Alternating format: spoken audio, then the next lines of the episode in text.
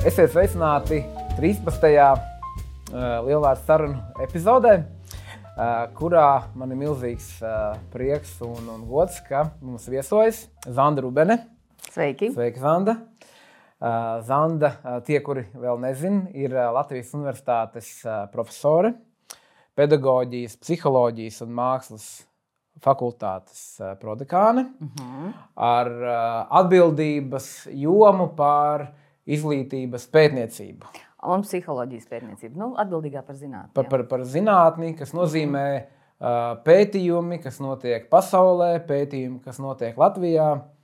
Un tās uz pētījumiem balstīts studijas. studijas. Un, un, un, uh, jā, arī šodien, uh, uh, kā jau minēju, man liels prieks, ka Zanders uh, viesojas pie mums, jo par izglītību gan Latvijā, gan arī pasaulē Un, uh, mēs runāsim, kā arī droši vien vairāk un vairāk tas, uh, tas kāpēc šī saruna uh, varētu būt interesanta.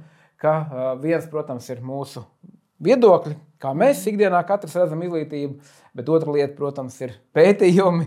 Un, un, un kas, ir, kas ir tas, ko, ko mums šodien saka pētījumi par to, kāda ir izglītība Latvijā, pasaulē. Un, uh, vēl tikai piebildīšu tiem, kuri varbūt. Nezinu, bet, nu, manuprāt, tie, kuri apmeklē daudz dažādas konferences, jau ir iepazinuši Zandu kā izcilu stāstnieci ar daudz dažādām interesantām tēmām, no kurām, manuprāt, viena no tādām populārākajām ir par paudzēm, kurā tu stāstīji par dažādu šo paudžu attīstību, attīstību atšķirībām. Kas arī man daudz palīdzējis. Tādā veidā, kaut arī tikai no empātijas skatu punkta, ja, protams, es pārstāvu vienu paudzi, bet ikdienā mēs sadarbojamies, dzīvojam kopā ar dažādām paudzēm, kas palīdz labāk izprast vienam otru. Un vēl viena, manuprāt, no lieliskām tēmām bija par digitālo bērnību. Es domāju, ka tam mēs arī šodien mhm. pieskārsimies. Kā tehnoloģijas ietekmē maina to, kādi bērni un jaunieši aug, kāda ir viņu ikdiena. Un atkal no tāda skatu punkta, ko mēs katrs ņemot vērā šo informāciju, varam darīt, lai, lai, lai, lai savstarpēji labāk saprastos. Bet uh, pirmais jautājums, ar kuru mēs parasti sākam, uh, ir, vai tu varētu padalīties, jo katram mums ir tā sava pieredze, un šis mums ir uh, podkāsts un sarunas par izglītību. Varbūt var padalīties kā, savā pieredzē, kas ir bijusi tava tāda vislabākā jaudīgākā, visinteresantākā mācību pieredze, ko tu pati priekš sevis esi guvusi un varbūt īsi, kā, kāpēc tā? Es tev jautāšu pretī, vai, vai jautājums ir par, par uh, vietu, uh, procesu uh, vai, vai kaut kādu notikumu? Kāda veida jautājums? tas ir, par, par, kā, ko parasti cilvēks stāsta par, par, par skolu, par, par notikumu, kas ar viņiem ir noticis, kas viņiem visvairāk ir ļāvis saprast savu mācīšanos vai kā. Uh, ir dažādi. -huh. uh, jā, lielākoties dominē process, mhm. bet, nu, ja vieta, tad uh, būtu lieliski uzzināt to. uh, ja, ja man jautā par visizaicinošāko mācīšanās pieredzi, tad acīm redzot, man ir jāsaka tā, ka uh,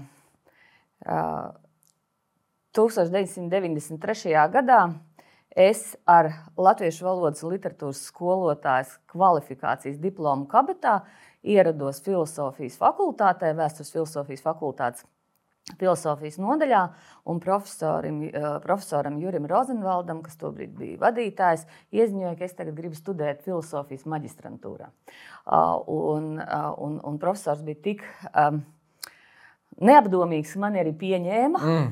Uh, un es kļuvu par pirmo, nu, pirmkārt, tajā, tajā laikā jau maģistrantūra vispār tikai sākās, ja, bet es kļuvu par pirmo um, bezdalīgu, kurš tas bija pirmais students, kas iestājās filozofijas maģistrantūrā ne ar pamatu izglītību filozofijā. Mm -hmm. Tas bija ļoti izaicinoši visos iespējamos uh, griezumos, gan procesa ziņā, gan, gan, um, gan tās izglītības institūcijas, kultūras ziņā. Nu, tu, nu, aptuveni tur šodien spēj iedomāties, kā varētu atšķirties studentu ikdiena pedagoģijā uh -huh, uh -huh. un filozofijā. Uh -huh. ja? uh, un, uh, un, un, uh, man tas bija, man bija ļoti, ļoti, ļoti grūti. Bet es vispār esmu sapratusi, ka vislabākā tā mūsu, mūsu transformē vislabāk tā mācīšanās pieredze, kas mums sagādā tās lielāko pretestību, uh mhm. -huh. vislielāko, tās lielākās grūtības. Uh, un, un es pierādīju sev un citiem, kas to var izdarīt. Es to maģistra grādu filozofijā ieguvu, kas man deva milzīgu. Uh, prioritāti, jo Latvijā nav daudz cilvēku ar šādu izglītības kombināciju, kā man uh mhm. -huh. ir pedagoģija, filoloģija, ja savā ziņā jau arī, vai ne? Tā tad latviešu valoda un literatūra, un pedagoģija, filoloģija un filozofija. Un, un tas noteica manu pētniecības nišu, jomu, ar ko es nodarbojos. Un, un, nu, tas ir tas filozofijas burvīgums, ka mēs redzam procesus tādās kā kopsakarībās vairāk, jā, plašāk un, un, un no citas perspektīvas nekā nekā varbūt nu, citu zinātņu kontekstā. Nu, tā bija mana visizaicinošākā pieredze. Es mēģināju, es uzsāku studijas doktorantūrā, filozofijā. Tur gan man neizdevās dažādu iemeslu dēļ, un, un es pārgāju uz pedagoģiju, un, uh, un, un tad es sapratu, ka tas lūk, ir tas mans ceļš. Ja? Uh -huh, uh -huh. Ka es, es nevaru visticamāk būt filozofs um, um, ar, šo, ar lielo F. Bet tā filozofijas izglītība man ļoti palīdz uh, domājot par, uh, par pētniecību izglītības zinātnē. Tas, tas, tas, ir, nu, tas ir tas mans, tā ir tā mana odziņa. Ja? Mm -hmm. Jā, prieks padalījies. Un... Eh, tas, ko, tas, ko es tiešām arī, arī sadzirdēju, un tas, manuprāt, arī kur šodien, kur mums katram varbūt ir uh, nu, savā ziņā grūti to, to, to pieņemt ka nu, tā mācīšanās, ja, nu, ir smags darbs. Uh, jā, turpat bija tā, ka man uh, sākumā es uh, kladītē uz malas pierakstīju vārdus, kurus nozīmē es nesaprotu. Okay. Ar cerību, ka es iešu mājās, nu, saprotiet, internetā jau nav. nav. Svešvārdu vārnīca ir, es iešu mājās un, un tad es noskaidrošu. Bet vienā brīdī es, es nodzinu kaunu. Un es sapratu, ka man ir zibenīgi kursabiedriem jājautā, ko tas nozīmē. Mm. Jo citādāk es jau nesaprotu kontekstu, nesaprotu to, to, to vēstījumu, mm. ja, kas tajā lekcijā ir. Sākumā viņi uz mani skatījās kā uz tādu mazapjēdzīgu, kā es kaut ko tādu varu nezināt. Ja? Bet pamazām Pamazām es, es ieguvu arī tādus labus draugus mū, visam mūžam no, no sava kursa. Piemēram, režisora Krista Burāna mm. bija manā kursā, un Ilmārs Šlāpins manā mm. kursā bija.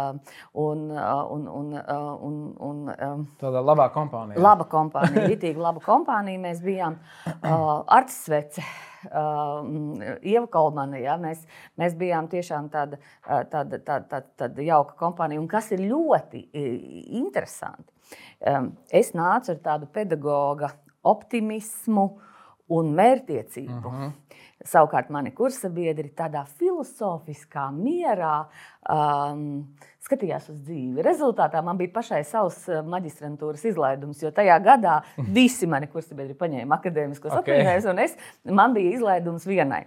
Uh, un dekāns, ka, Tobrīd uh, uh, man pieliecās, mazajā aulā gan tas bija. Viņš pieliecās man pie auss, kad deva diplomu un teica, firmas gods ir glābts.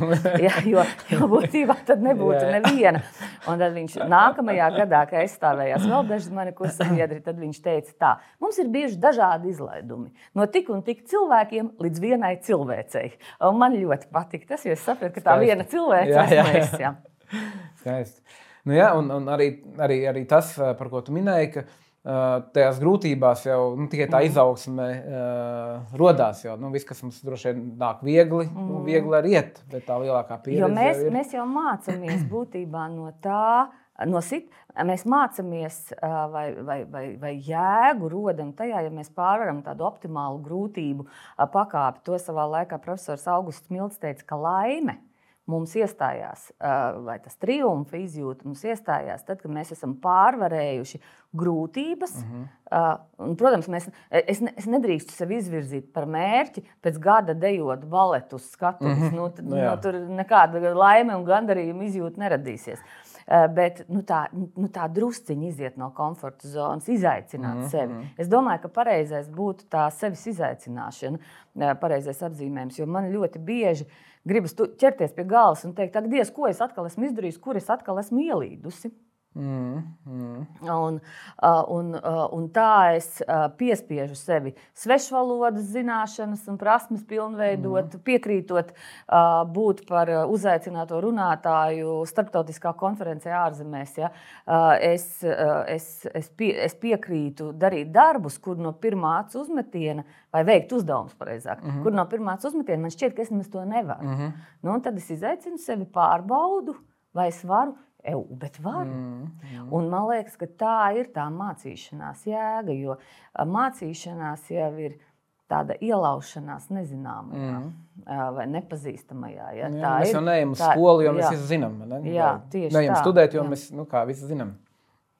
Nu, jā, un, un man liekas, ka vislielākā, vislielākais drauds uh, izaugsmē ir apziņa, ka es visu jau zinu. Mm. Un ka nu, visu, ko jūs stāstāt, mēs jau visu to darām. Ja, ļoti bieži sanāk mm. um, nu, kaut kādās ne tikai pedagoģa auditorijās, vecāku auditorijās, dažādos uzņēmumos. Es, es, es uzstājos ar lekcijām, un cilvēks saka, jā, bet mēs, mēs jau to, mums vis, tas viss ir, mēs jau to visu darām. Ja?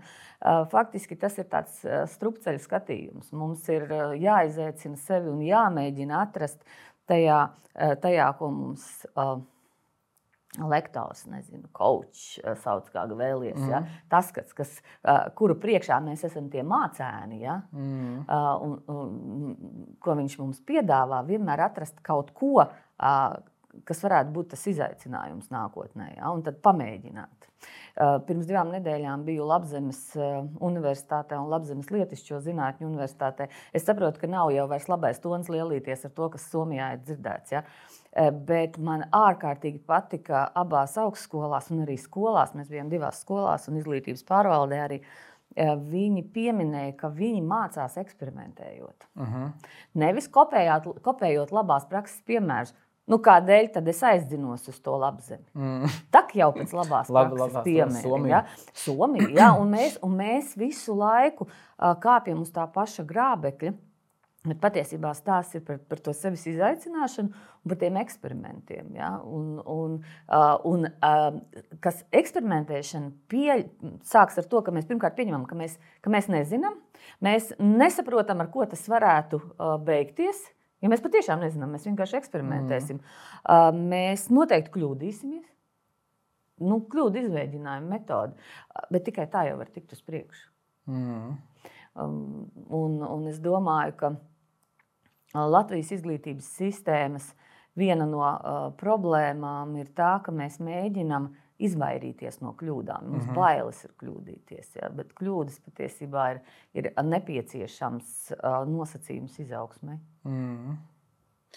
Un, jā, vienkārši varbūt pastāstīt, jo es no savas pieredzes zinu, tagad vienkārši, kad stāsti arī, arī mm. reflektējot, jo ir, ir kaut kāds posms, kurā skaidrs, ka kaut kādas tavas grūtības tev šķiet, kā, nu, baigi, tā, pro, tas ir problēma, tā, mm. kāpēc man tā vai, vai tam līdzīgi. Bet tad nu, var, var rasties tāds mirklis, kurā tu, tas, tā grūtība jau ir kā azarts. Visi pārdzīvojumi ar laiku kļūst par piedzīvojumiem. Reiz teica kāds gudrs cilvēks, kurš to teica, es neatceros.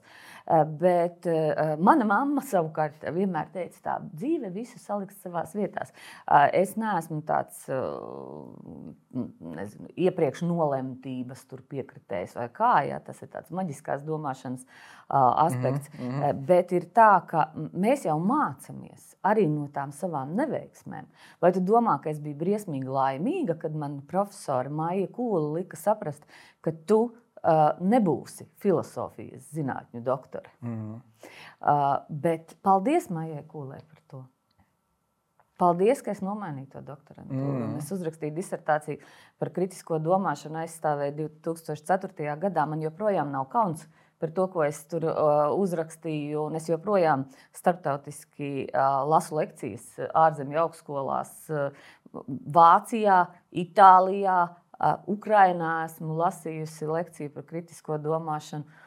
Un, uh, un, un, un tas joprojām pēc 20 gadiem ir ārkārtīgi interesanti visiem. Ja? Nu, jo kļūst ar vien aktuālāk un aktuālāk. Kļūst ar vien aktuālāk. Tik jā. daudz informācijas, cik mm. tiek saradīts šodien. Mm. Un... Šobrīd aktuāli pētījumi par kritisko domāšanu un mediju pratību, jā, tātad kombinējot to, to, jo tieši domājot par viltus ziņām un manipulācijām un tā tālāk. Un, un tā mērķa grupa, kura šobrīd tiek iesaistīta pētījumos Latvijā un ne tikai Latvijā, ir seniori mm. 65, plus, mm -hmm. jo tā ir tā grupa, kuriem ir, vis, nu, kurai ir visapdraudētākā domājot par digitālo kompetenci un par mēdīju pratību. Un, un arī viņi savā laikā kritisko domāšanu skolā un augstskolā nu, nav piedzīvojuši. Ja? Un, yeah. un, un, un līdz ar to manipulēšana ar viņu uzskatiem un viedokļiem un, un, un, un tā maldināšana uz šo grupu attiecās jo īpaši. Mm. Jā, ļoti interesanti, jo tas kā pieredzes vairāk nu, domā cilvēki ar pieredzi, ar mm. dzīves pieredzi. Nu, redz. un, un vairāk varbūt uh, jaunieši un bērni, bet, bet īstenībā tas, ko saka, tas, tas tā. Tas ir par to digitālo, uh, digitālo laikmetu, un, un tu pieminēji mans pētījums par digitālo bērnību. Tas ir tas, ko es pēdējos gados pētu, un sanā, uh, ir, ir, ir iznācis tā, ka, lai tu saprastu, kas ir sociālā konstrukcija bērnība, Tev ir jāsaprot visas citas ar vecumu saistītās konstrukcijas, un kā tās mainās, un kā tās pārvietojas, kura kļūst īsāka, kura kļūst garāka. Ja, un, un, un cilvēka dzīve kopumā ir kļuvusi daudz, mm. daudz, daudz ilgāka.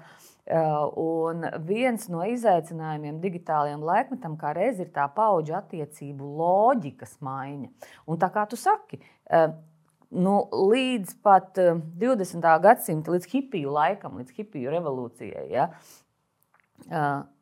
kultūras apguve vienmēr bija, vai izglītība vienmēr bija vērsta pagātnē, ar skatu uz pagātni. Mhm. -huh. Mēs mācījāmies no iepriekšējām paudzēm, jo iepriekšējās paudzes vecākas, līdz ar to gudrākas, pieredzējušākas ar izglītību mhm. -huh. un tā tālāk. Un tā joprojām.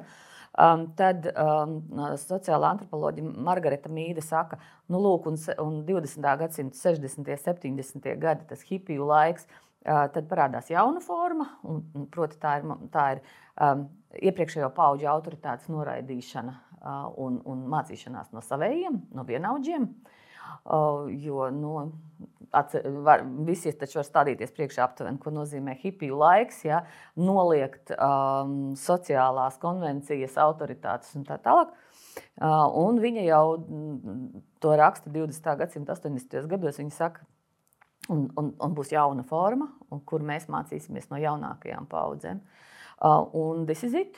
Mm, uh, šeit mēs esam. Šeit mēs esam, jā. Un, un, un uh, tā loģika patiešām ir mainījusies. Uh, īpaši, ja runa ir par šo, šo nu, digitālo uh, mm. realitātes aspektu vai, vai dzīves aspektu. Uh, jo jaunākām paudzēm vienkārši ir uh, daudz vairāk pieredzes, jā, tajā jomā. Es parasti saku, tā, ja es kaut ko piespiežu datorā, tad es neprasu zinātņu akadēmijas korespondētāju mm. loceklim, bet meklēju kādu 17 gadnieku mm ar piercingu jā, un prasu viņam. Uh, bet, nu, ja viņš savukārt piespiež kaut ko reālajā dzīvē, nu, viņi joprojām prasa tomēr mm. mums. Jā. Uh, pirms divām nedēļām, man liekas, vai kaut kur pamanīju uh, tavu publikāciju par uh, precīzi tagad neatceru, neatcerēšos, bet tieši par uh, vecumu 50. Mhm. Plus, mm -hmm. Un, un, un uh, to es, es viņu uz, uz, lasot, uzsvēru vairāk tādu kā pozitīvu pamudinājumu, nu, teiksim, neieslīgt. Mēs mm. varbūt ne, nevis neieslīgt, bet šobrīd, protams, mums valda apkārt jauniešu, jauniešu kults, jaunības, ja, viss jā. jaunības kults. Viss, kas ir jauns, viss, kas ir ātrs, viss, kas ir strauji, Eh, mēs to pieredzi vairāk eh, tik daudz. Eh, tik daudz varbūt neņem vērā, ka, ah, labi, paši mēģinām, kā sanāks, tā būs. Un, nu, kaut kā jau kaut kas arī vienmēr tur, tur sanāk.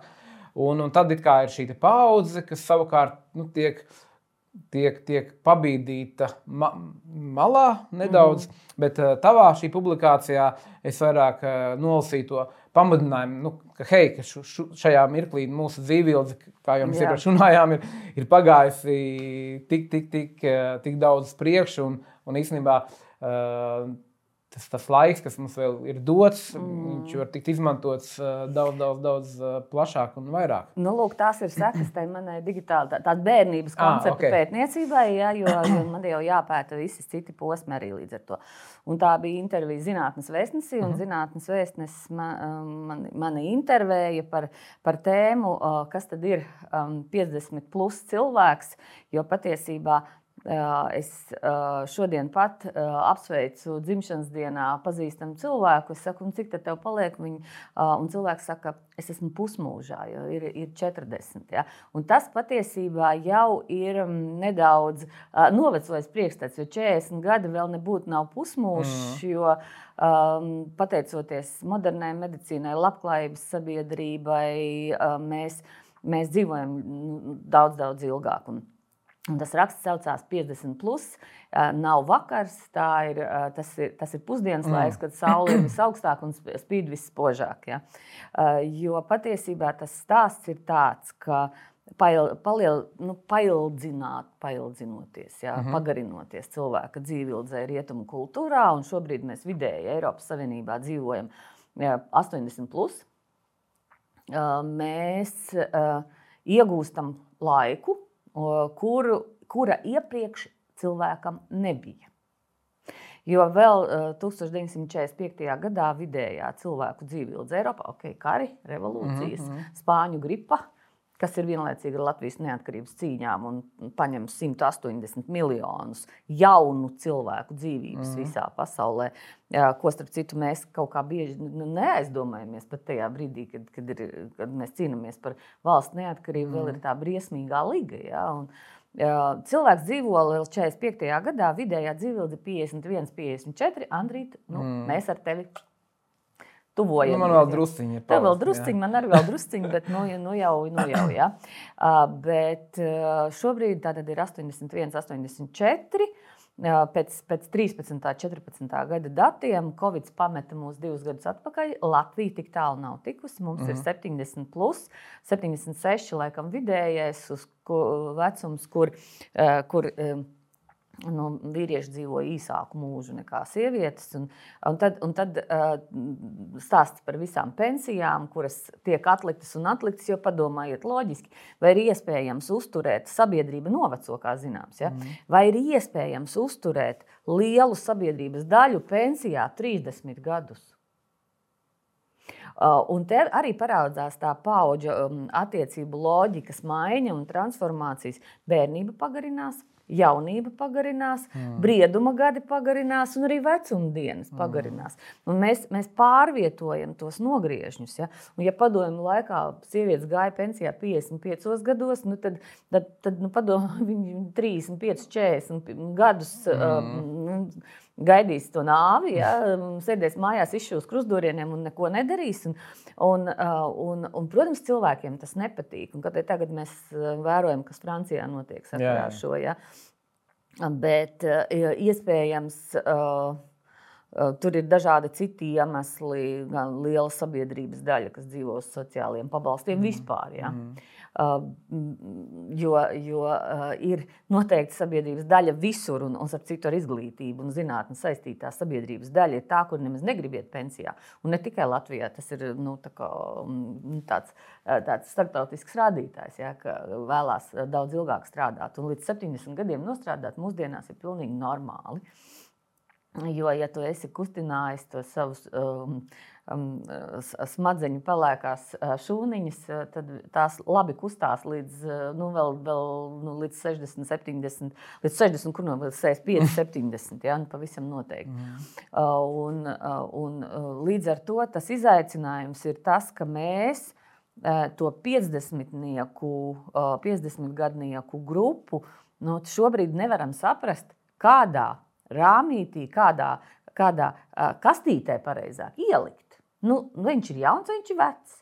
Vai viņš var vai viņš nevar, vai kompetents mm. vai nekompetents. Un tiek, piemēram, pētījumos daudz runāts par tā saucamo sudraba ekonomiku, par to, sudrabs, tāpēc, ka sirmi man. Jā, jā. Mhm.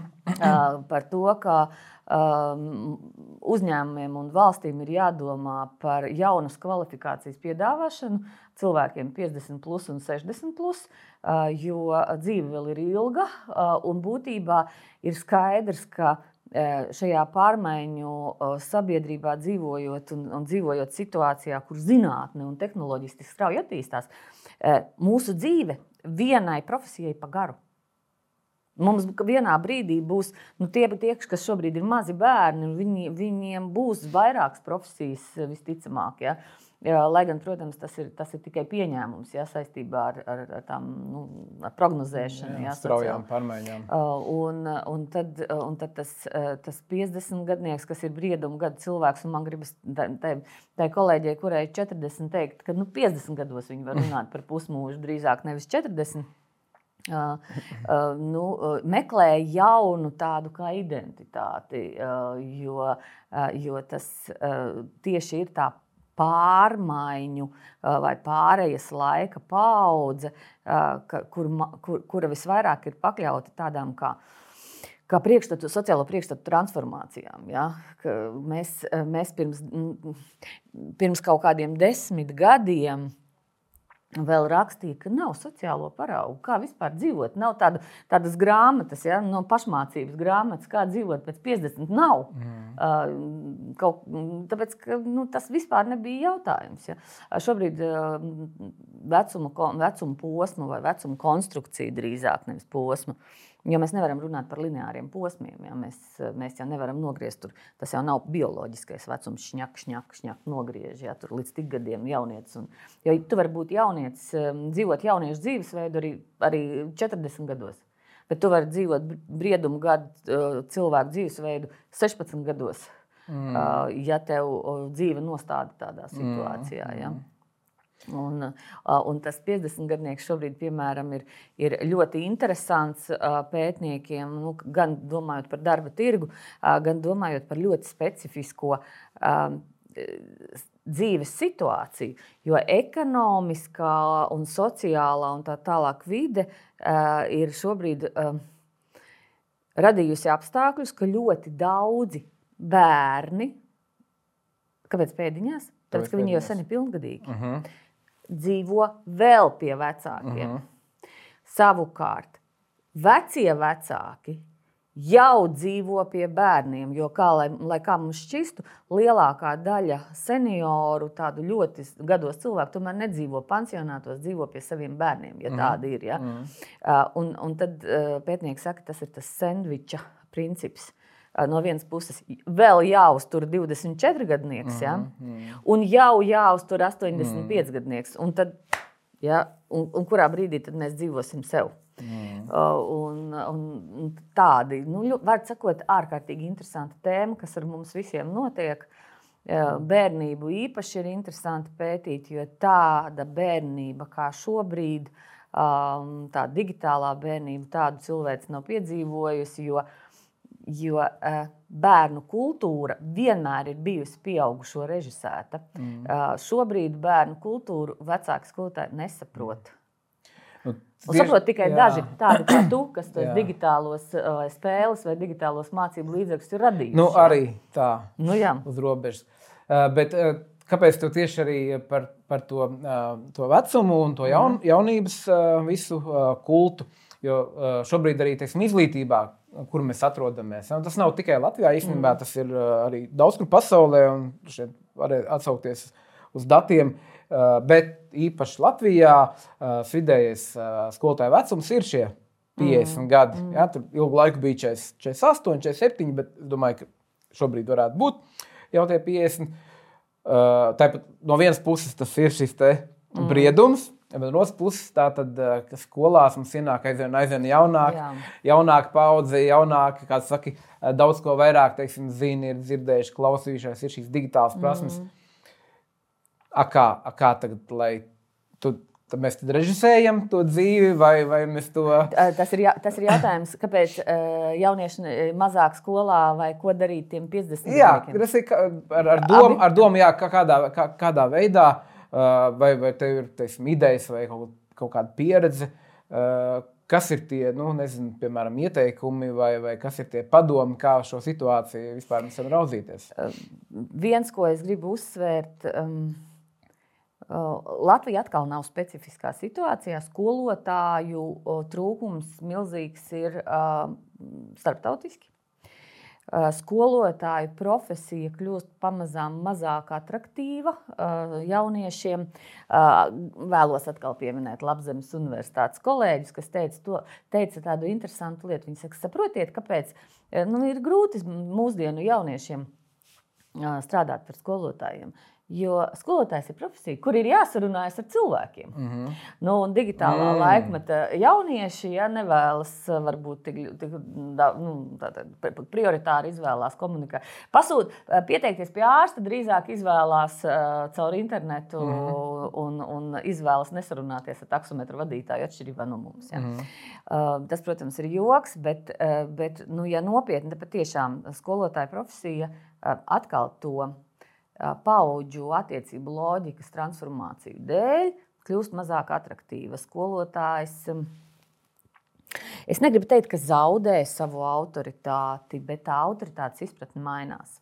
Jo klasiski sabiedrībā skolotājs bija līdzvērtīgs mācītājam, un starp citu, ilgu, vēl, vēl 20. gadsimta 30. gados Daudzās valstīs uz skolotāju profesiju tika attiecināta celibāts, jā, un skolotājs, skolotājs bija tāds gar, ārkārtīgi garīgs cilvēks mm -hmm. un mhm. cienījams pēc definīcijas.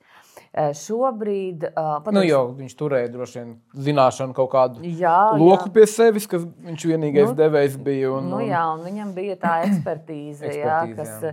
Uh, ja mēs ņemam vērā, ka 20. gadsimta sākumā augstākā izglītība vispār bija 2% iedzīvotāji. Ja, šobrīd jau tas ir, tā ir pilnīga norma, ka tā augstākā izglītība ir lielākā daļa iedzīvotāju. Tātad, pirmkārt, ja, profesija kā tāda mazāk attraktīva. Otrkārt, um, um, personāla vadības speciālisti man neļaus samalot. Uh, mūsdienās jaunieši uh, vēlas strādāt profesijās, kurās notiek tāda līdzvērtīga, simetriska komunikācija un tīklošanās. Uh mhm. -huh. Startup uzņēmumi, um, dažādi mobīlo sakaru operatoru uzņēmumi un tā tālāk. Uh, hackathoni, kur ir komanda, kur ir tīklošanās, kur ir interesanti un, kas ir galvenais, nav hierarhijas. Uh mhm. -huh. Uh, skola ir diezgan hierarhiska organizācija. Uh, otrs, uh, otrs aspekts ir tas, ka um, kopš 2001. gada 11. septembra, un pētījumi to apstiprina, cilvēki ir sākuši skatīties uz savu dzīvi citā griezumā nekā iepriekš. Mēs vienkārši savu nākotnes perspektīvu tveram īsāk īsā, tuvāk. Uh -huh, uh -huh. Mums ir tuvākie mērķi, uh, prevelē par tālākajiem mērķiem. Mēs neizvēlamies profesiju visam mūžam, mēs izvēlamies profesiju vai amatu uz, uz tuvākajiem pieciem gadiem, uh, vai pat mazāk. Jā, jo kā, uh, kā HR, tātad personāla cilvēku resursu speciālists, uh -huh. saka, ka darba intervijās mūsdienās uzdod jautājumu nevis vai tu redzi sevi šajā profesijā pēc pieciem gadiem, bet, bet jautājums, vai tu redzi sevi šajā profesijā pēc gada. Uh -huh.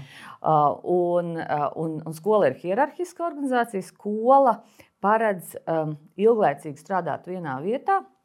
Te varbūt radās jautājums, kāpēc mēs pēc 2001. gada sākam tos tuvos mērķus uh, nospraust vairāk un dzīvi baudīt šeit un tagad, nevis atlikt. Tāpēc, ka tās nu, bīstamības vai briesmu jēdziens ieguva citu seju. Mm. Ja, ka pietiek aiziet uz koncertu, iekāpt lidmašīnā, uz Ziemassvētku tirdziņu, kaut kas var notikt. Ja. Tu nedrīkst atlikt to mm. dzīvi. Ja, tas, ja, tas, tas starptautiskā terorisma drauds ja, mainīja, mainīja izpratni par to, kas ir, kas ir bīstamība kā tāda.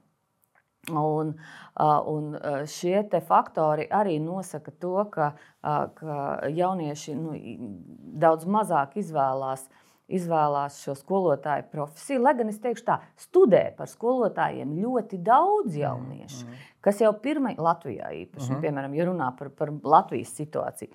Mums ir pietiekami daudz augstskolu, kurās sagatavo skolotājus. Jau pirmajā kursā sko, sko, students mācoties, tiek paņemts uz skolu, mm jo skolotāji trūkst. Un tā, kad viņš ir pabeidzis studijas, ir tieši tie pieci gadi pagājuši. Mm, mm. Vai arī uh, viņš sāk strādāt un pēc pieciem gadiem aiziet. Un tas ir tas, ir tas ko ko ļoti bieži saka, ka uh, iegūst izglītību, bet skolas uh, nevar noturēt tos jauniešus. Ja? Un paliek tie uh, 50, plus, kuri, kuri savu dzīvi negrib tik, tik ļoti mainīt, un nu, kuriem šķiet, ka nu, vēl 15 gadu līdz pensijai nu, nostrādās tajā skolā. Ja? Ja. Tu, piedod, ka es tevi pārtraucu. Mm. Šeit, šeit varētu viens no tiem atslēgas atsaucoties uz jauniešu.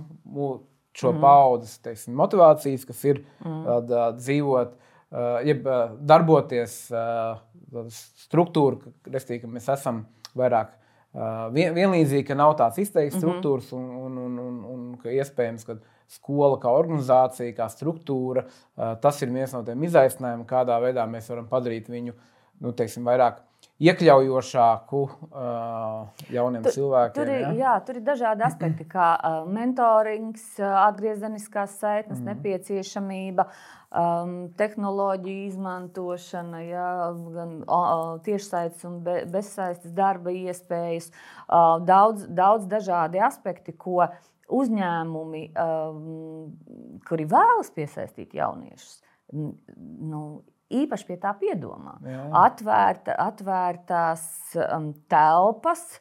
Uh, darba vietā, jā, open office, un, mm. tā, uh, un, un, un vegāna, vegetāra pārtika un tā tālāk. Ja.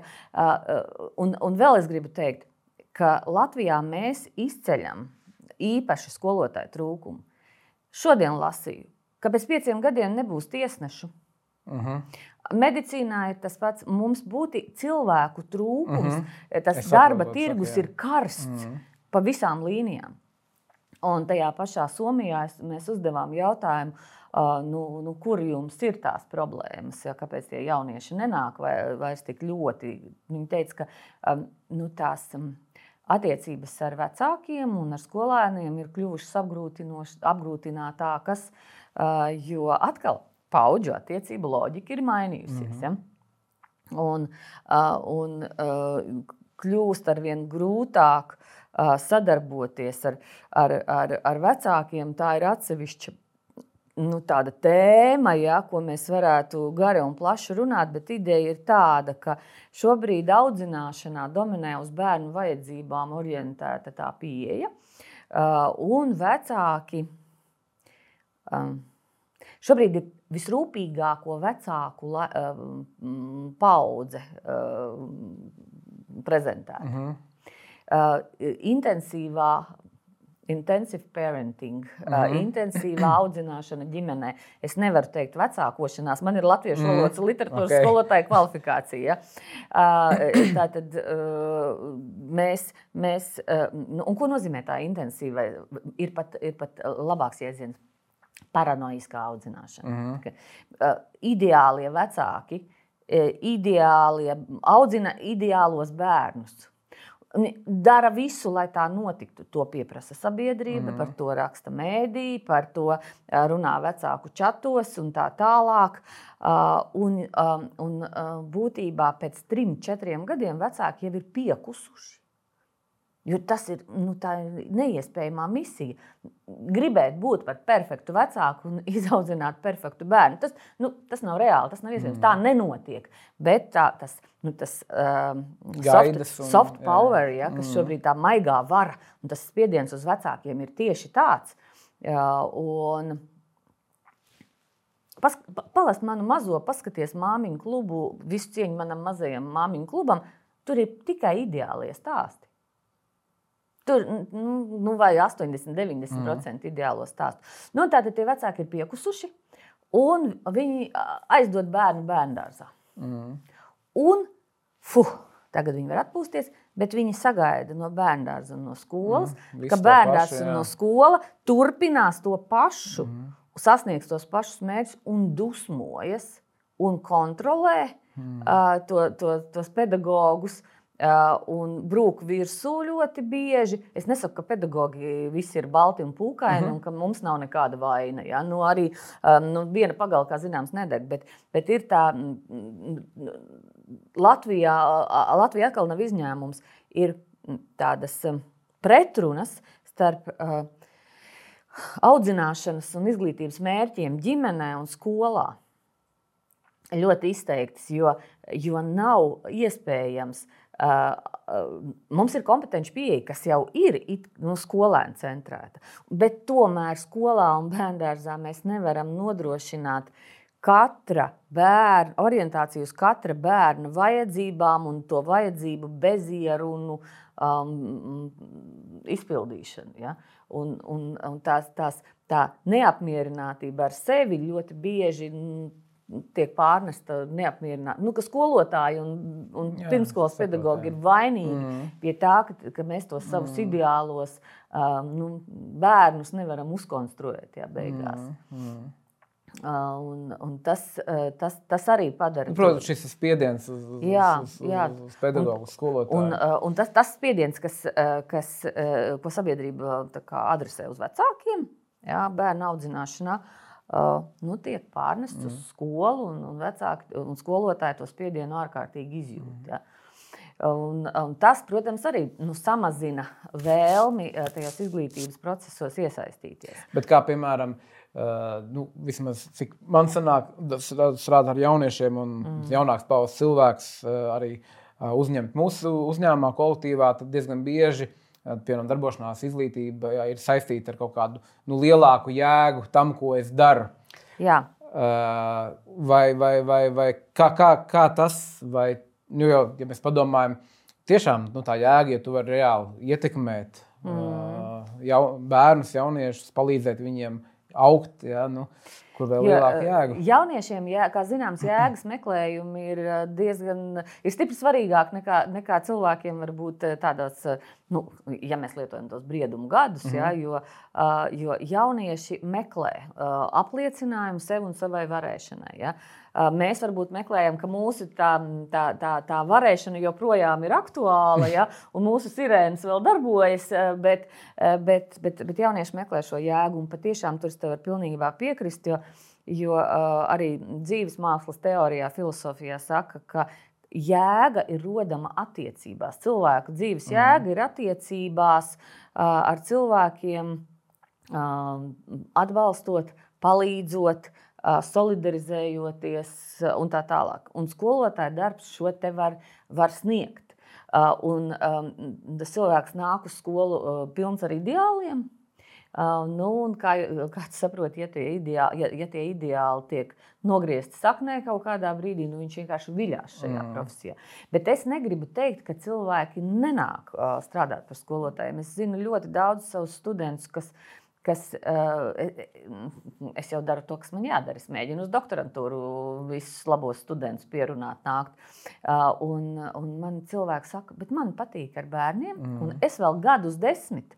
Nevis 20, 30, mm -hmm, 40. Mm -hmm. Bet es vēl gadus desmit gribētu pavadīt skolā, jo es sevi redzu, mm -hmm. uh, ka es varu, varu sasniegt savus mērķus, un es to jēgu varu atrast tur. Uh, mums Un tas ir izaicinājums ne tikai uh, Latvijā, tas ir būtībā principā jautājums, ko, ko darīt ar skolu, kā mm. mainīties skolai. Mm. Jo mēs uh, nu, pat nemaz nevaram, nu, mēs nevaram cerēt, ka cil būs cilvēki, kuri.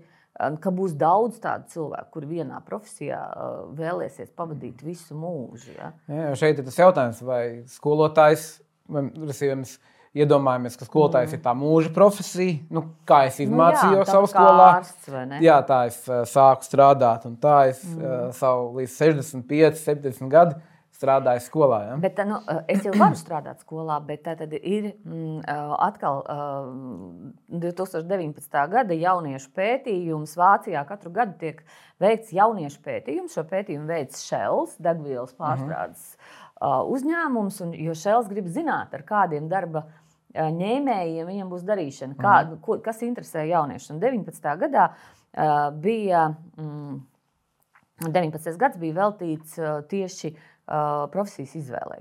Katru gadu ir cita tēma, pēc tam tur bija Covid un, un tā tālāk. Jā, uh, bet 19. gada pētījums uh, ļoti interesants rezultātus parādīja. Un, un tad uz jautājumu, kas tev ir pats nu, tiek piedāvāti, piedāvāti tie tie jā, iemesli un saranžēt, kādēļ mēs izvēlamies profesiju. Kā pirmais, svarīgākais, bet nu, tie ir Vācijas jaunieši, ja, lai būtu interesanti. Mm -hmm. Nevis lai būtu izklaidējoši, nevajag jaukt.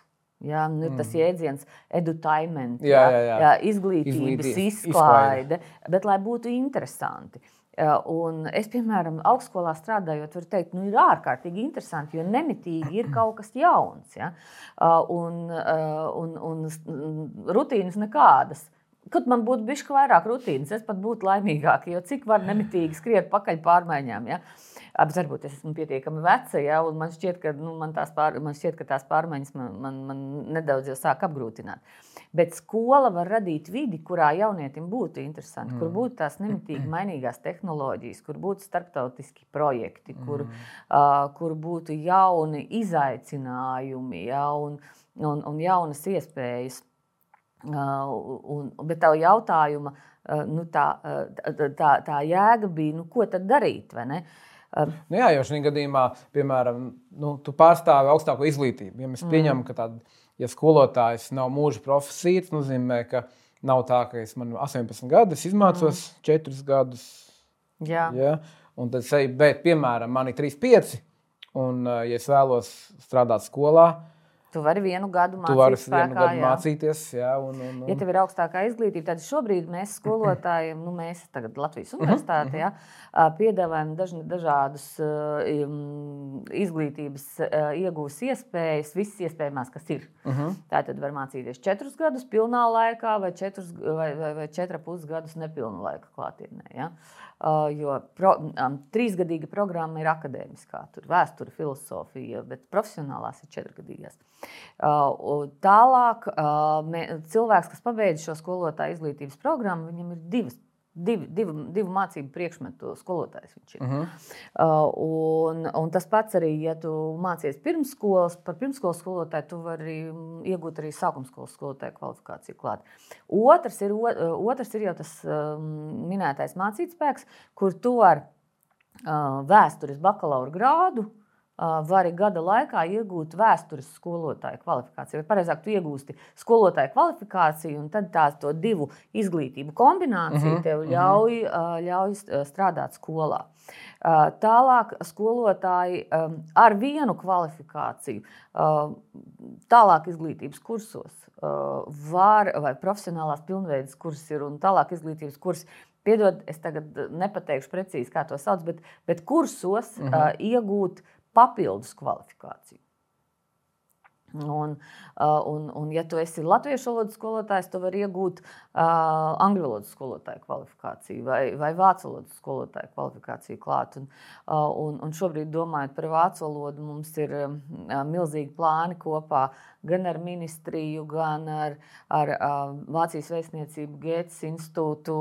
Un, uh, un DAD, jo mums tuvākajos gados Latvijai ir jāmēģina tikt pie 400 vācu valodas skolotājiem. Tas ir diezgan neiespējams uzdevums, jo pēdējos gados Latvijā šo kvalifikāciju vairākos gados, neatceros cik gados, bet nu, pieņemsim piecos, ja, uh -huh. četros, piecos, 38 cilvēki -huh. ieguvuši šo kvalifikāciju. Uh -huh. Uh, un līdz ar to. Um, nu, ja, ja tu zini vācu valodu, tu vari nu, nu, darīt. Jā, bet es, piemēram, visu mūžu esmu mācījusies vācu valodu, bet es neuzskatu, ka mana vācu valoda, nu, es mācījos līdz 2007. gadam, mm. bet es, es lasu, runāju lekcijas, esmu lasījusi, bet nu, tagad angļu valoda dominē, protams.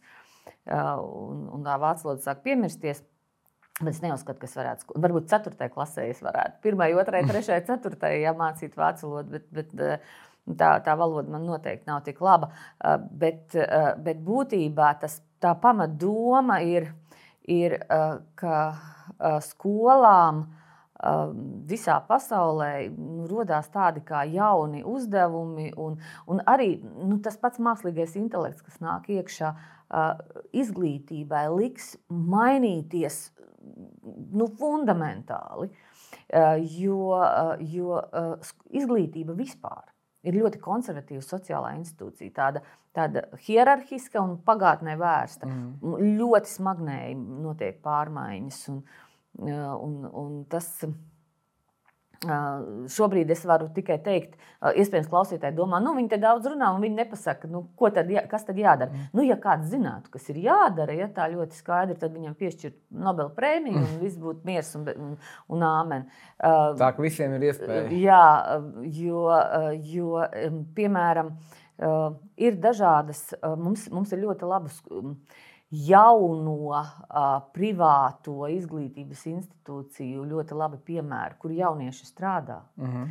Uh, kur, uh, kur arī tā, nu, nu, acīm redzot, ir jāpieņem, ka, uh, ka kadru, ja drīz saukt, jā, jā, jā. kadru mainība būs. Nu, ka tas nu, vienkārši nu, to ir jāsamierinās jā, un, un jāmēģina pārorientēt to visu jā, struktūru. Ne? Uh, jā, un, un iz, protams, tā, tā nav, tas nav stāsts par kvalifikācijām profesionālajām, bet šobrīd tas aktuālais trends augstākajai izglītībai ir mikrokvalifikācijas. Uh mhm. -huh kuri tu jūti, ka tev nepieciešama kaut kāda, kaut kāda papildus tēma, ko apgūt. Tu augstskolā varēsi noklausīties kursu, apgūt mm. noteiktu jomu un iegūt tādu mazo kvalifikāciju. Mm. Nu, piemēram, nezinu, man ir uh, inženierzinība, tas.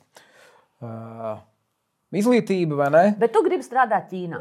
Jā, vai ir, piemēram, es gribu strādāt, es ļoti labi zinu fiziku, Mm. Es labi zinu fizikas, pārzinu mm. tos likumus, bet es īsti nezinu, kā bērniem to labāk organizēt. Ja? Tad, es nedomāju, vai... ka skolotājs kļūs par mikrokvalifikāciju. Okay. Es vienkārši domāju par to, ka skol... cilvēks ar skolotāju profesiju varēs iegūt mikrokvalifikāciju klāt, kas viņam pavērs atkal jaunas iespējas. Mm. Par to inženieru un Ķīnu bija doma tāda, es gribu strādāt, esmu inženieris, gribu strādāt Ķīnā, un tad es iegūstu mikrokvalifikāciju Ķīnas kultūrā uh, un, un, un valodā. Ja? Mm -hmm.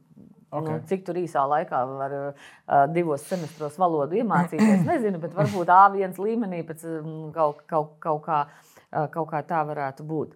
Uh, otra, jā, otra jautājuma uh, daļa, nu, respektīvi, uh, šo visu apkopojot, es teikšu tā. Uh, uzņēmumi visā pasaulē ļoti mērķiecīgi strādā pie tā, lai jauniešus piesaistītu. Uh -huh. Uh, mēs vienīgais veids, un pagaidām uh, šobrīd Latvijā koncentrējamies uz algas palielināšanu. Uh -huh. Algas palielināšana ir vērtīga, uh -huh. kuram gan nevajag vairāk naudas, uh -huh. paceļ roku, uh, bet tas nav viss. Uh -huh. tas, ne, tas nav viss. Ja? Uh, noteikti ir, ir tāds, tāds, tāds pasākumu komplekss nepieciešams. Un, uh, Un, un būtībā tā, tas mans aicinājums ir, ir ka, ka skolām pašām, kā uzņēmumiem, man ļoti patīk neatkarīgās izglītības biedrības šobrīd projekts, kur biznesa līderis mm. sadarbojas ar skolas direktoru, mm. kur biznesa vadītājs, kas ražo kaut ko pilnīgi citu, nu, kas ir, respektīvi, māca tam skolas direktoram skatīties uz, uz savu uz skolu kā uz uzņēmumu. Mm. Ja? Un, un, un tā, tas ir tāds ļoti labs uh, veids, kā, kā um, varbūt eksperimentēt mm. vēlāk. Ja? Um, un, un skatīties, kas, kas no tā var izveidoties. Mm. Nu jā, jo organizā, nu, uzņēmums, organizācija, mm. ne, skola ir organizācija. Un, jebkuri motivācijas instrumenti, jebkuri kultūras, organizācijas mm. kultūras uh, lietas jau ir neatkarīgi nu, jā, no tā, vai tas skolā vai tas uzņēmumā. Nu, problēma ir tā, ka uh, gan vecāki, gan, skolo, uh, gan, gan studenti uh, un skolēniem iespējams arī uh, uzskata, ka skolas un augst, augstskolas ir uzņēmumi un viņi ir pakalpojumu saņēmēji. Mm -hmm. Bet skolotāji un augstskolu docētāji tam nepiekrīt. Mēs mm. nejūtamies jā, kā mhm. pakalpojumu sniedzēji. Uh, jo tur ir tāds um, nu, atkal idejiska, uh, idejiska pretruna. Jo, uh, nu, kas maksā, tas pasūta mūziku, ja, pēc mm -hmm. principa. Mm -hmm. uh, un, un skolā un augstskolā īsti tā nedrīkstētu būt. Ja, mm -hmm. Lai gan nu, zināmā mērā tas priekšstats ir arī augstskolā, ka mēs šobrīd uh, dancojam studentu pavadā. Ja, mm -hmm. Studenti nosaka, uh, kā visam būs būt. Ja, jo no, atk... no tā, ka students atnāk uz, uz nu, naudu, seko studentam. Ja. Mm -hmm. Tātad, ja nauda seko studentam, tad students ir tas, kas pasūta mūziku. Mm -hmm. Tas, uh, To jau um, sociologs uh, Maks Vēbers um, pēc, neilgi pēc otrā pasaules, ne, muldu, 20. gadi, tas ir 20, pirms simts gadiem viņš teica, ka, ka bīstieties no tā brīža, kad students dosies uz universitāti, saņemt pakalpojumu līdzīgi kā viņa māte dodas uz tirgu iegādāties dārziņus. Ka, ka tas devalvēs ja, to universitātes ideju, ja, un mm, izglītības mm. ideju kā tādu. Un tāpēc vienmēr ir tāds, nu, tāds, tāds, tāds, tāds karstais kartupelis, ja, vai, mēs, vai mēs drīkstam uh, uzskatīt uh, skolu par uzņēmumu, par biznesa vi, vietu, vai nedrīkstam. Ja. Uh, nu, ja tā ir privātā skola, tad tas automātiski tā ir. Nu jā, skola bet ir dažādas privātas skolas, varbūt jā, biedrība, jā, varbūt uzņēmums, jā, un tur droši vien Nu, jā, bet nu, nauda ir jānopelna, mm. lai tas, lai, lai nu, jā, tas pasākums jā. varētu, mm. Mm. Jā, varētu uh, funkcionēt. Un, un atkal pieminēšu Somiju. Mēs bijām izglītības pārvaldē, un tur um, mums, mēs prasām, nu, kā tur ir ar mazajām skolām, Latvijā. Nedomājiet, cik tur ir milzīgas teritorijas. Mm. Jā, un, mm. un uh, viņiem ir jābūt starp skolām 100 km ne vairāk, nu, iedomājieties, simts. Mm, ja? mm. Uh, un viņi saka, tā mazākā skola šobrīd ir 24 bērni. Mm. Un tajā skolā strādā uzmini, cik skolotāji. 24 bērniem? Mm -hmm. 6. 2. Divi. Uh, tā tad, uh, kas vienlaicīgi ir direktori un tā tālāk. Mm. Lūk, un tā ir tāda normāla uh, biznesa domāšana. Ja? Mm. Tā es to skolu varu saglabāt. Mm. Mm. Nevis uz 38 bērniem, 17 skolotājiem. Ja? Mm. Nu jā, tieši tā alternatīva ir, ka nu, jā, vispār nav. Ne? Un, un tad tas ir, tas ir jautājums par to biznesa domāšanu. Nu, mm. Organizatoriskajā aspektā, bet, bet tomēr nu, tie, tie izglītības ideāli tiem joprojām ir jābūt klātesošiem. Mēs mm. nevaram pārvērst par tirgu ja, to, to skolu. Absolūti. absolūti. Klau, vēl gribēju uh, paspēt nedaudz pieskarties uh, tavai galvenajai tēmai, kas ir izglītības pētniecība. Mhm. -huh. un, un, un, nu, manuprāt, tu vari man palabot, bet lielā mērā, lai gan nu, tā izglītība vispār, tas, kas strādā, nezinu, mācību metodes, tas nenormāli ātri arī attīstās. Mhm. -huh. un, un daudz, daudz ienāk jaunu, tāpat arī ne tikai metodas, bet arī tehnoloģijas. Un, lai gan tā ir pētīta, tomēr tas ir vēl tāds milzīgs lauks, kur, kur, kur pētīt, jo arī par tām pašām tehnoloģijām nu, nav jau mums tādu šobrīd. Uh, lielu pētījumu, kur, kur pateiktu, ka, jā, ka tehnoloģijas izmantot mācību procesā ir mm -hmm. super efektīvi, vai tas dod, nu, un, un vai, piemēram, par tām pašiem mācīšanas stiliem. Mēs Ja tu vari var man palabot, ja, bija pirms vairāk kā 20, 20 gadiem, bija populāri, kas tu esi, ja, kas tev mm -hmm. vizuāliķis, audiāliķis. Tad tev mēģināja piemērot to saturu. Tagad pētījums pasaka, ka nē, tās ir muļķības. tas, tas vispār neko nenozīmē. Ja? Nu, Pastāst par, par to, kas, kas, kas šobrīd aktuāls ir. Vai, vai, vai tev pietiek doktorantūru, doktorantūru? Nē, nepietiek. Un, un, un, un, un, un, un, un, un kas varbūt ir tas, ko, ko arī nu, mēs šeit varam dot? Mm. Latvijai pasaulē? Nu, paldies, Lielvārds jau ļoti, ļoti labi strādā pie tā, kas Latvijai un pasaulē trūkst. Es domāju, tieši Latvijas, nu, tagad es tevi komplimentēju. Ja, paldies. jo, jo Latvijas specifika ir digitālo mācību līdzekļu trūkums latviešu valodā. Mm. Un, un te man, man gribētos pieminēt nu, tādu problēmu, kas ir nu, it kā sekundāra un tomēr ietekmē uh, mūsu uh, darbu skolās ļoti fundamentāli. Un tas ir angļu valodas zināšanas, mm. vai precīzāk, angļu valodas zināšanu trūkums. Mm -hmm. uh, jo uh, ir tā, ka uh, tās, tās tēmas, kas šobrīd kļūst aktuālas, mm, ir, kā jau tu minēji, tehnoloģija bagātinātā mācīšanās. Un, jā, mēs, mēs visu laiku kaut ko pētām, kaut ko radām, kaut ko veidojam. Jūs esat uzņēmums, kas, kas, veid, kas, kas tās tehnoloģijas, nu, kas tos digitālos mācību līdzekļus rada. Es negribu teikt, ražo ne.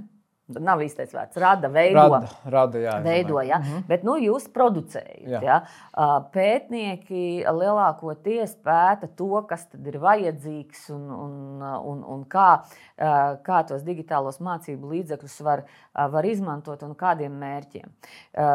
Tāda īpaša pētījuma, un pēc tās angļu valodas atgriezīšos, īpaša pētījumu niša, piemēram, ir digitālo mācību līdzekļu izmantošana iekļaujošas izglītības uh mhm, -huh, īstenošanā. Uh -huh. Jo tur gan ir starptautiski pierādīts un pamatots, ka digitālie mācību līdzekļi ļauj bērniem ar mācīšanās grūtībām vai bērniem ar, ar, ar, ar speciālām vajadzībām sasniegt mācīšanās mērķus, mm. ko viņi bez šīm tehnoloģijām nevarētu izdarīt. Ja? Mm. Tāpat ir skaidrs, ka digitāli, digitālās iespējas ļauj, ļauj vispār bērniem iegūt izglītību attālināta mm -hmm. mācīšanās, tālmācība, dažādas individuālās mācīšanās scenāriji un trajektorijas, kā tu saki, tipoloģija vairs nav modē, tie mm. stili dažādie, jo cilvēkam katram ir savs dzīves stāsts. Un, un, un, un, piemēram, es zinu, ka Latvijas skolotājiem nepatiks to, ko teikšu, tas, ko es teikšu. Bet patiešām nu, tas skolotāju trūkums ir risināms ar um, digitāliem mācību līdzekļiem, ar platformām. Um, ar, ar dažādiem Moodle vides kursiem un, un video lekcijām, kas bērniem patīk. Mm -hmm. Pēc septītās klases uz augšu ļoti labi darbojas. Ja?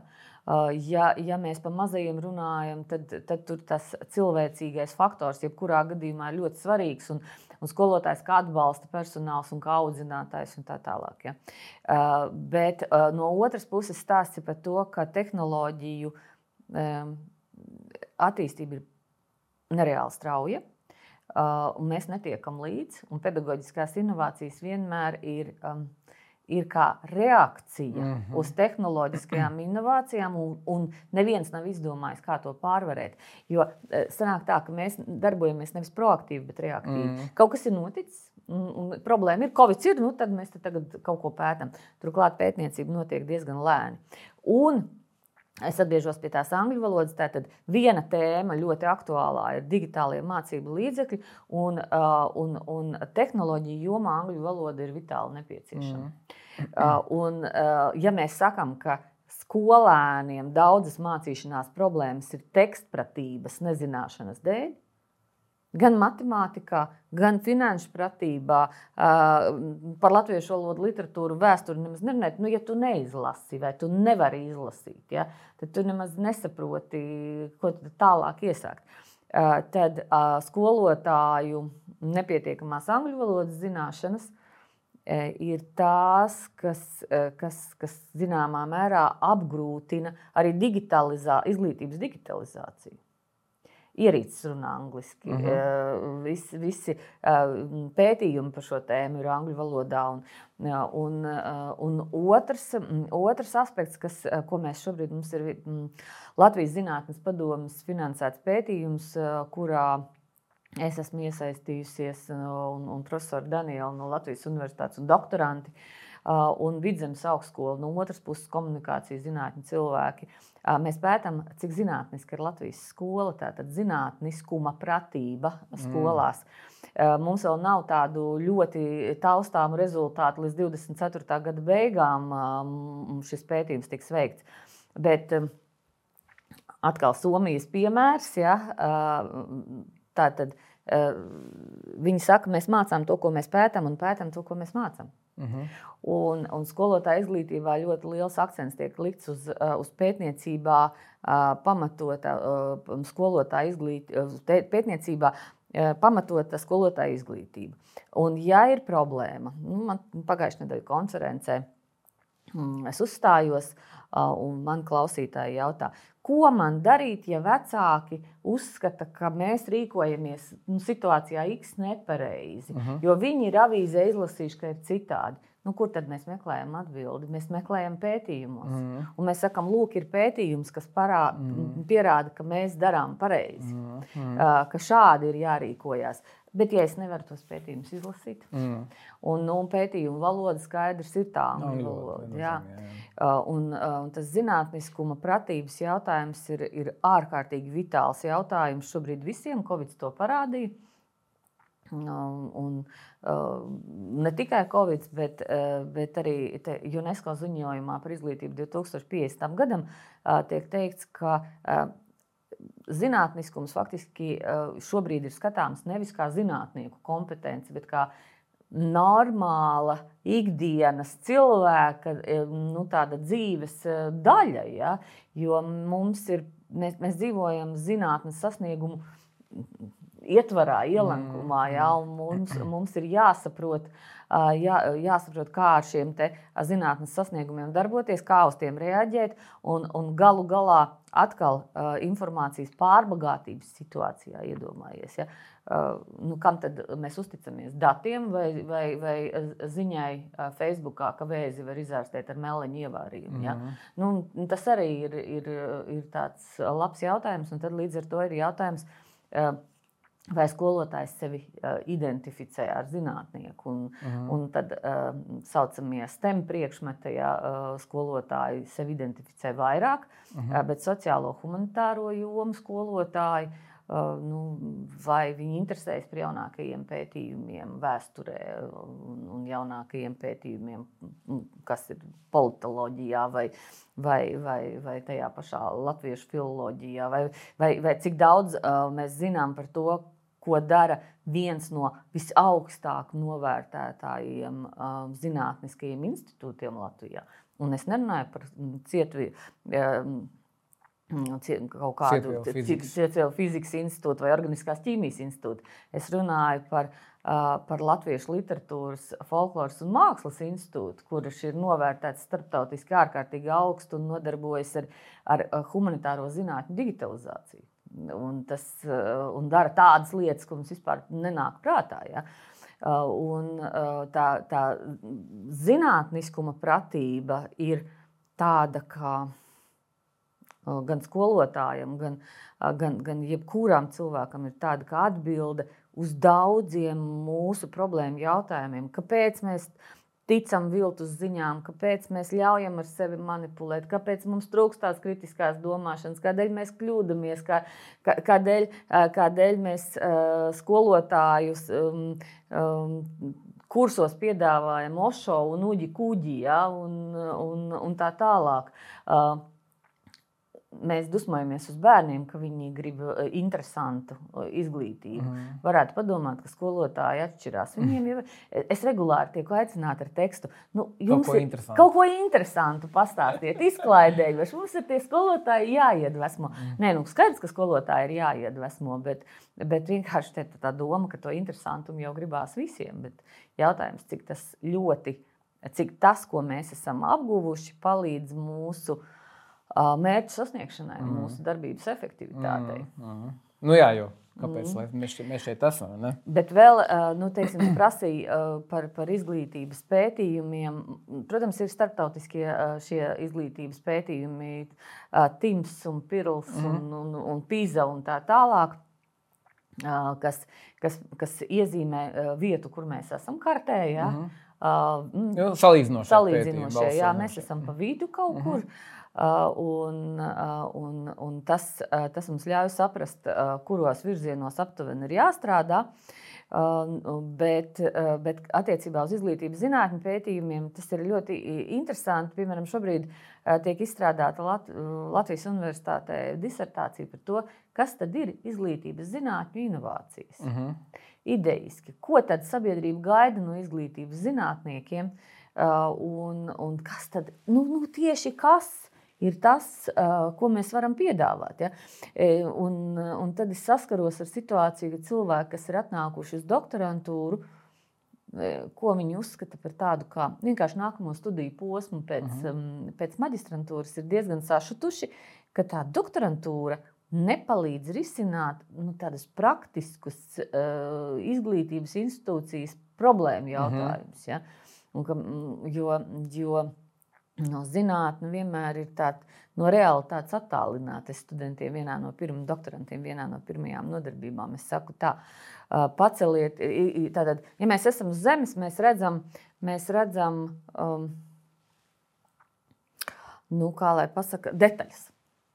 Bet, bet zinātnēks iekāpa gaisa balonā un paceļās augšā. Uh -huh. Viņš vairs detaļas neredz tos sīkumus, bet viņš redz plašus kontekstus uh -huh. un mhm. kopsakarības. Ja?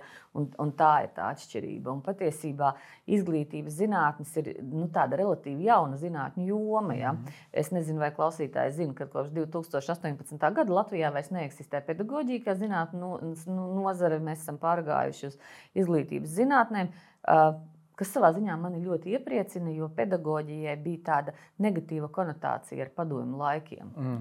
Un, un, un es ar daudz lielāku tādu taisnāku muguru saku, es esmu izglītības zinātņu mm, pētnieks. Ja?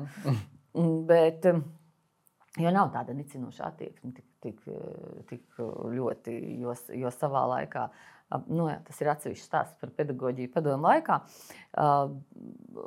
kas, kas bieži vien nebija zinātniska nemaz, bet drīzāk bija ideoloģiski orientēta ja, un, un ignorēja, piemēram, citās zinātnēs atklāto ģenētiku. Jau, jau, jau bija apņē, uzņēmusi milzīgus apgriezienus ārpus Padomju Savienības, bet Padomju Savienībā vispār līdz 60 2005. gadam bija ģenētikas aizliegums. Pēc tam, kad ģenētikas aizliegumu atcēla, izglītība joprojām strādāja pēc principa, ka cilvēks piedzimst kā balta lapa. Ja? Viņam var iemācīt jebko. Mm. Un, krēli, un krēlis uh, ir, ir jāpārmāca, jo visiem jābūt jāraksta ar labo roku. Nu, ļoti vien, mm. vienkāršs mm. piemērs. Ja? Uh, es tagad aizrunājos un aizmirsu, kāpēc es vispār šo te runāju. Bet tā, es atceros, gan uh, izglītības zinātnes joprojām meklē savu vietu. Uh -huh. un, un, un zini, ko? Tendence ir ļoti pozitīva un laba izglītības zinātniekiem. Ar vien svarīgāk pasaules universitātēs un dažādos uzņēmumos kļūst tas mācīšanās koncepts kā tāds. Uh -huh. Jā, jo tieši tāpēc es jautāju jā. par to, jo mēs nu jā, šobrīd dzīvojam tajā nu, mācīšanās, mm. tās, tās, laikmetā, tās laikmetā ja, kurā tās zināšanas uh, dominē. Nu, cik daudz mm. tu zini, ko tu proti. Uh, ko nu, tu dari? Ja? Bet, bet no otras puses, tam izglītības zinātniekam jākļūst par tādu kā nedaudz nākotnes prognozētāju. Ja? Mm. Jo, jo, jo es saku, mēs, mēs, pro, mēs, mēs reaktīvi, reaktīvi, ja? mēs reaktīvi jā. reaģējam uz to, kas notiek. Aha, spēliskošana. Nu, tad pētām, mm. kā spēliskošanu iz, izmantot mm. skolēnu mācību motivācijas mm. veicināšanai. Mm. Jā, un var, jā, un ļoti labi. Mm. Un, un, un, un mēs, mēs meklējam dažādas interesantas tēmas, jo doktorants atšķirās. Doktorants ir pētnieks, viņam ir jāpasaka kaut kas jauns pasaulē patiešām kaut, kāds, mm. kaut, kaut kas reāli, reāli nu, interesējošs. Šobrīd ir aiz, iesniegta aizstāvēšanai disertācija, kas nu, cerams, tiks, nu, nevis cerams, bet nu, aizstāvēšana notiks aprīļa sākumā par jaunu konceptu, kas ir nu, tāda kā skolotāja caurviju kompetence jauna, saucās pedagoģiskā uzņēmēja spēja. Uh mhm. -huh. Jo ir skaidrs, ka arī skola 2030 ir paredzējusi, ka skolotājiem jāpiemīt uzņēmēja spējai un skolotājiem saviem skolēniem jāattīst uzņēmēja uh mhm. -huh. spēja. Uh, nu, bet nu, rodas jautājums, ah, kas tas ir? Uh. -huh. A, kā tas izpaužās? Kā, kā to iestrādāt studiju programmās? Ja? Nu, tad šajā disertācijā tiek, tiek konceptualizēts tas, tas jēdziens, kas ir pedagoģiskā uzņēmējspēja, un tad salīdzināts programmas Latvijā un Somijā, un, un, un, un um, ekspertā, ar ekspertiem diskutēts un, un, un pētīts, kā piedāvāts modelis, ja, kā, tad, mm, mm. Kā, kā šo kā šo uh, caurvīju kompetenci attīstīt. Ja. Mm. Un tas, tas ir savā ziņā, atkal varbūt kāds klausās un saka, kam tāda disertācija vajadzīga. Ja? Bet tas lūk, ir mēģinājums būt proaktīviem, mm. ja? meklēt, meklēt uh, aktualitāti, vēl nu, skrienot vilcienam it kā pa priekšu. Ja? Mm. Jā, katrā ziņā ļoti, manuprāt, ļoti, ļoti interesanti no tā skatu punkta, ka tiešām tas, tas lauks uh, Lai gan nu, mēs jau daudz ko zinām, mm. bet, bet ir tik daudz, kas mainās un attīstās, un par daudzām lietām mēs tiešām neko nezinām. Un, mm. un, un, un, nu, jā, tev, ir, tev ir tā iespēja vadīt, vadīt, vadīt Latvijā jaunos doktorants, doktorants un, un virzīt šo. Man patiešām to proaktīvo, jo daudz kur es esmu arī, arī, arī klausījies dažādus arī citu pasaules ekspertus, mm. un tur tieši to arī min, ja, ka tā paradigmas maiņa izglītībā uh, var notikt tikai tad, ja mēs nevis skrienam pakaļ tehnoloģijām, bet mēs spējam nu, nonākt tajā mirklī, ka, ka, ka tehnoloģijas jau tiek radītas priekš tā, kas mums ir vajadzīgs. Redzi, bet nu, ir divi ceļi. Viens ceļš ir tas, ka tāds, kur problēma ir jau identificēta, uh mhm. -huh. vajadzības ir skaidrs, un tad ministrijas, uh mhm. -huh. arotbiedrība, uh mhm. -huh. mm, Eiropas Savienība pasūta mhm. pēdiņās ja, mm -hmm. to pētījumu jomu, lai šo te, uh, jautājumu sāktu pētīt. Es ļoti labi atceros to brīdi, kad Eiropas komisija izsludināja kostu akciju, un kostu akcijas ir starptautiskie pētniecības tīkli.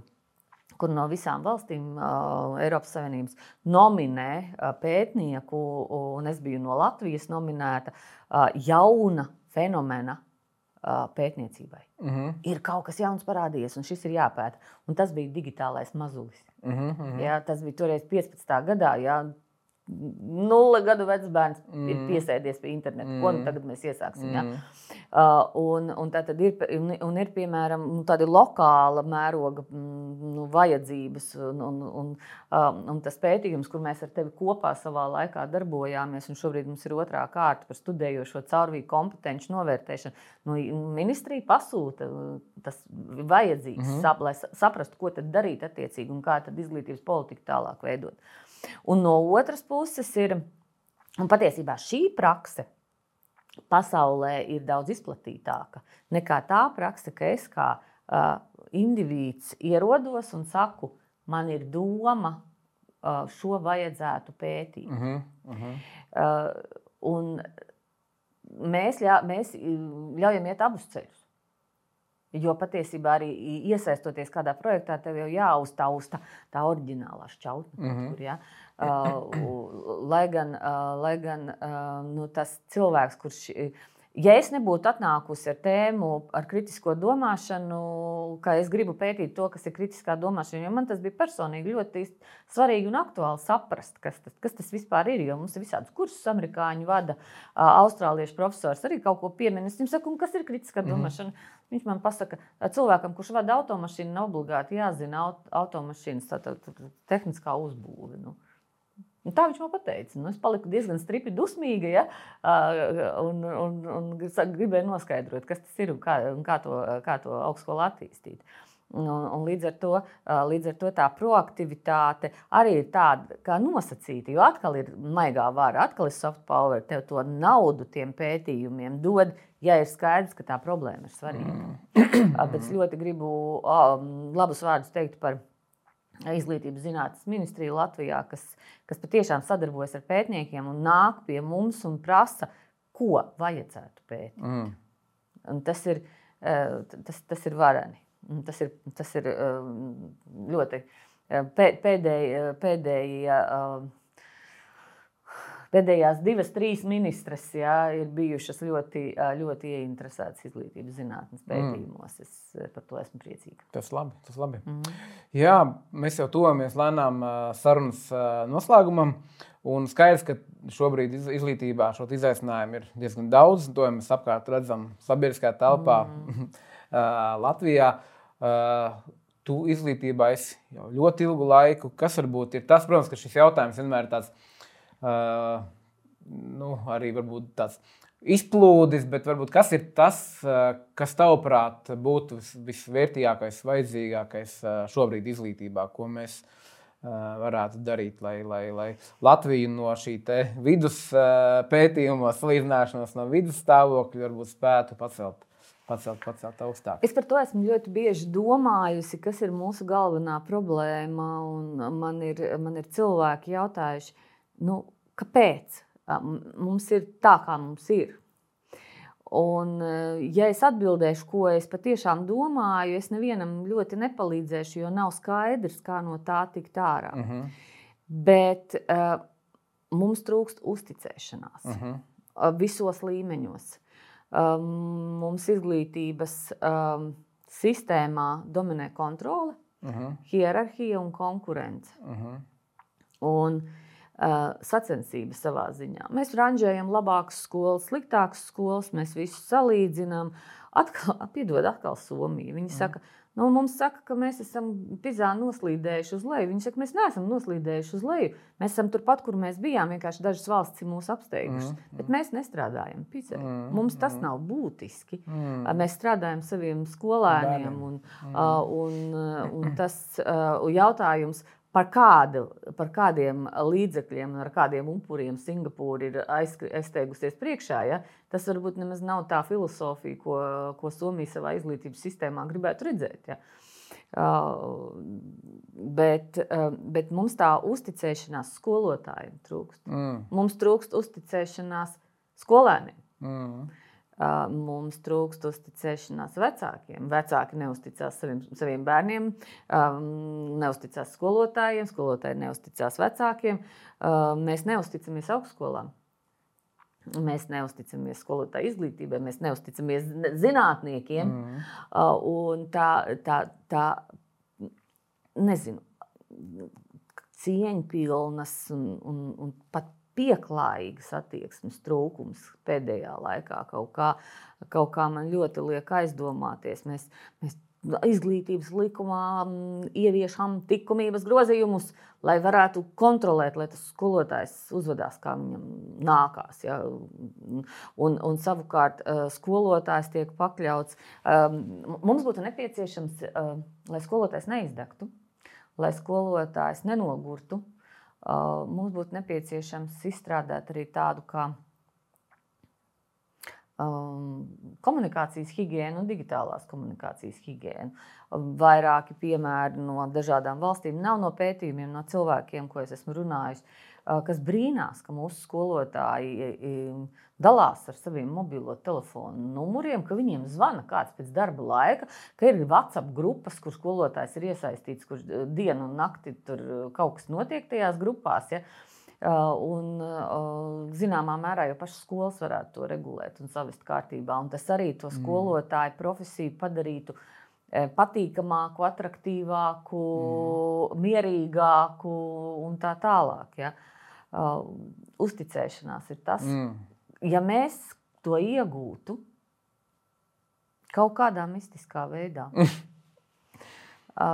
tad, tad mums noteikti veiktos labāk. Mm. Jo Es pat es teicu labus vārdus par izglītības zinātnes ministriju. Tagad es uh, iemetīšu vienu darbu skaroti. Mm -hmm. ja? uh, jo uh, es skatos uh, uz, uz pētījumiem par vienu un to pašu tēmu, kas tiek veiktas dažādās valstīs, kur citās valstīs tā, tā pētījuma rezultātu mērķis ir atbalstīt augstskolas un skolas, mm -hmm. tad, tad Latvijā bieži vien tie rezultāti tiek izmantot, lai kontrolētu mhm. augstskolas un skolas un pārbaudītu, vai viņi mm -hmm. ir mhm. sasnieguši tos mērķus, kurus viņi tur ir ieplānojuši. Mm -hmm. Jā. Nu, Lielas paldies, tev, Zanda, par šo sarunu. Es domāju, ka tas ir tas, ko mēs varam, varam vēlēt un censties arī paši darīt ar savu attieksmi, ar savu uh, ar savu cieņpilnu attieksmi vienam pret otru. Jo nu, ļoti lielā mērā es tev nu, teikt, pilnīgi piekrītu. Es arī ilgi darbojoties izglītības mm. nozarē, jo labāk mēs spējam viens otru izprast. Iedziļināties, kas nav vienkārši, nav viegli un ātrā skrējienā, ne pavisam mm. nav, nav, nav, nav ē, viegli un ērti izdarāms, bet tas ir ļoti svarīgi, lai mēs teiksim, kopēji, kopēji kā sistēma varētu iet. Un iespējams, ka arī tas ir viens no tiem iemesliem, kāpēc jauni cilvēki arī šo izglītību neredz. Ja, ja, ja mēs runājam par modernām organizācijām, mm. tur tomēr savstarpējā uzticēšanās ir viens no būtiskākajiem elementiem. Mm -hmm. Tā kā, manuprāt, ļoti vērtīgi, ļoti interesanti. Mēs varētu runāt vēl un vēl, bet liels paldies, Zanda, ka šodien bija, bija kopā ar mums. Paldies, ka uzaicinājāt! Jā, un tad jau sekojam, sekojam līdzi citām lielvārdu sarunām, sekojam līdzi interesantajām uh, prezentācijām, konferencēm, kur Zanda uzstājās. Un, uh, jā, lai mums uh, visiem izdev, izdevusies uh, tālākā tālākā diena un cenšamies rast to kopēju uzticību. Jā, paldies! Vislabāk!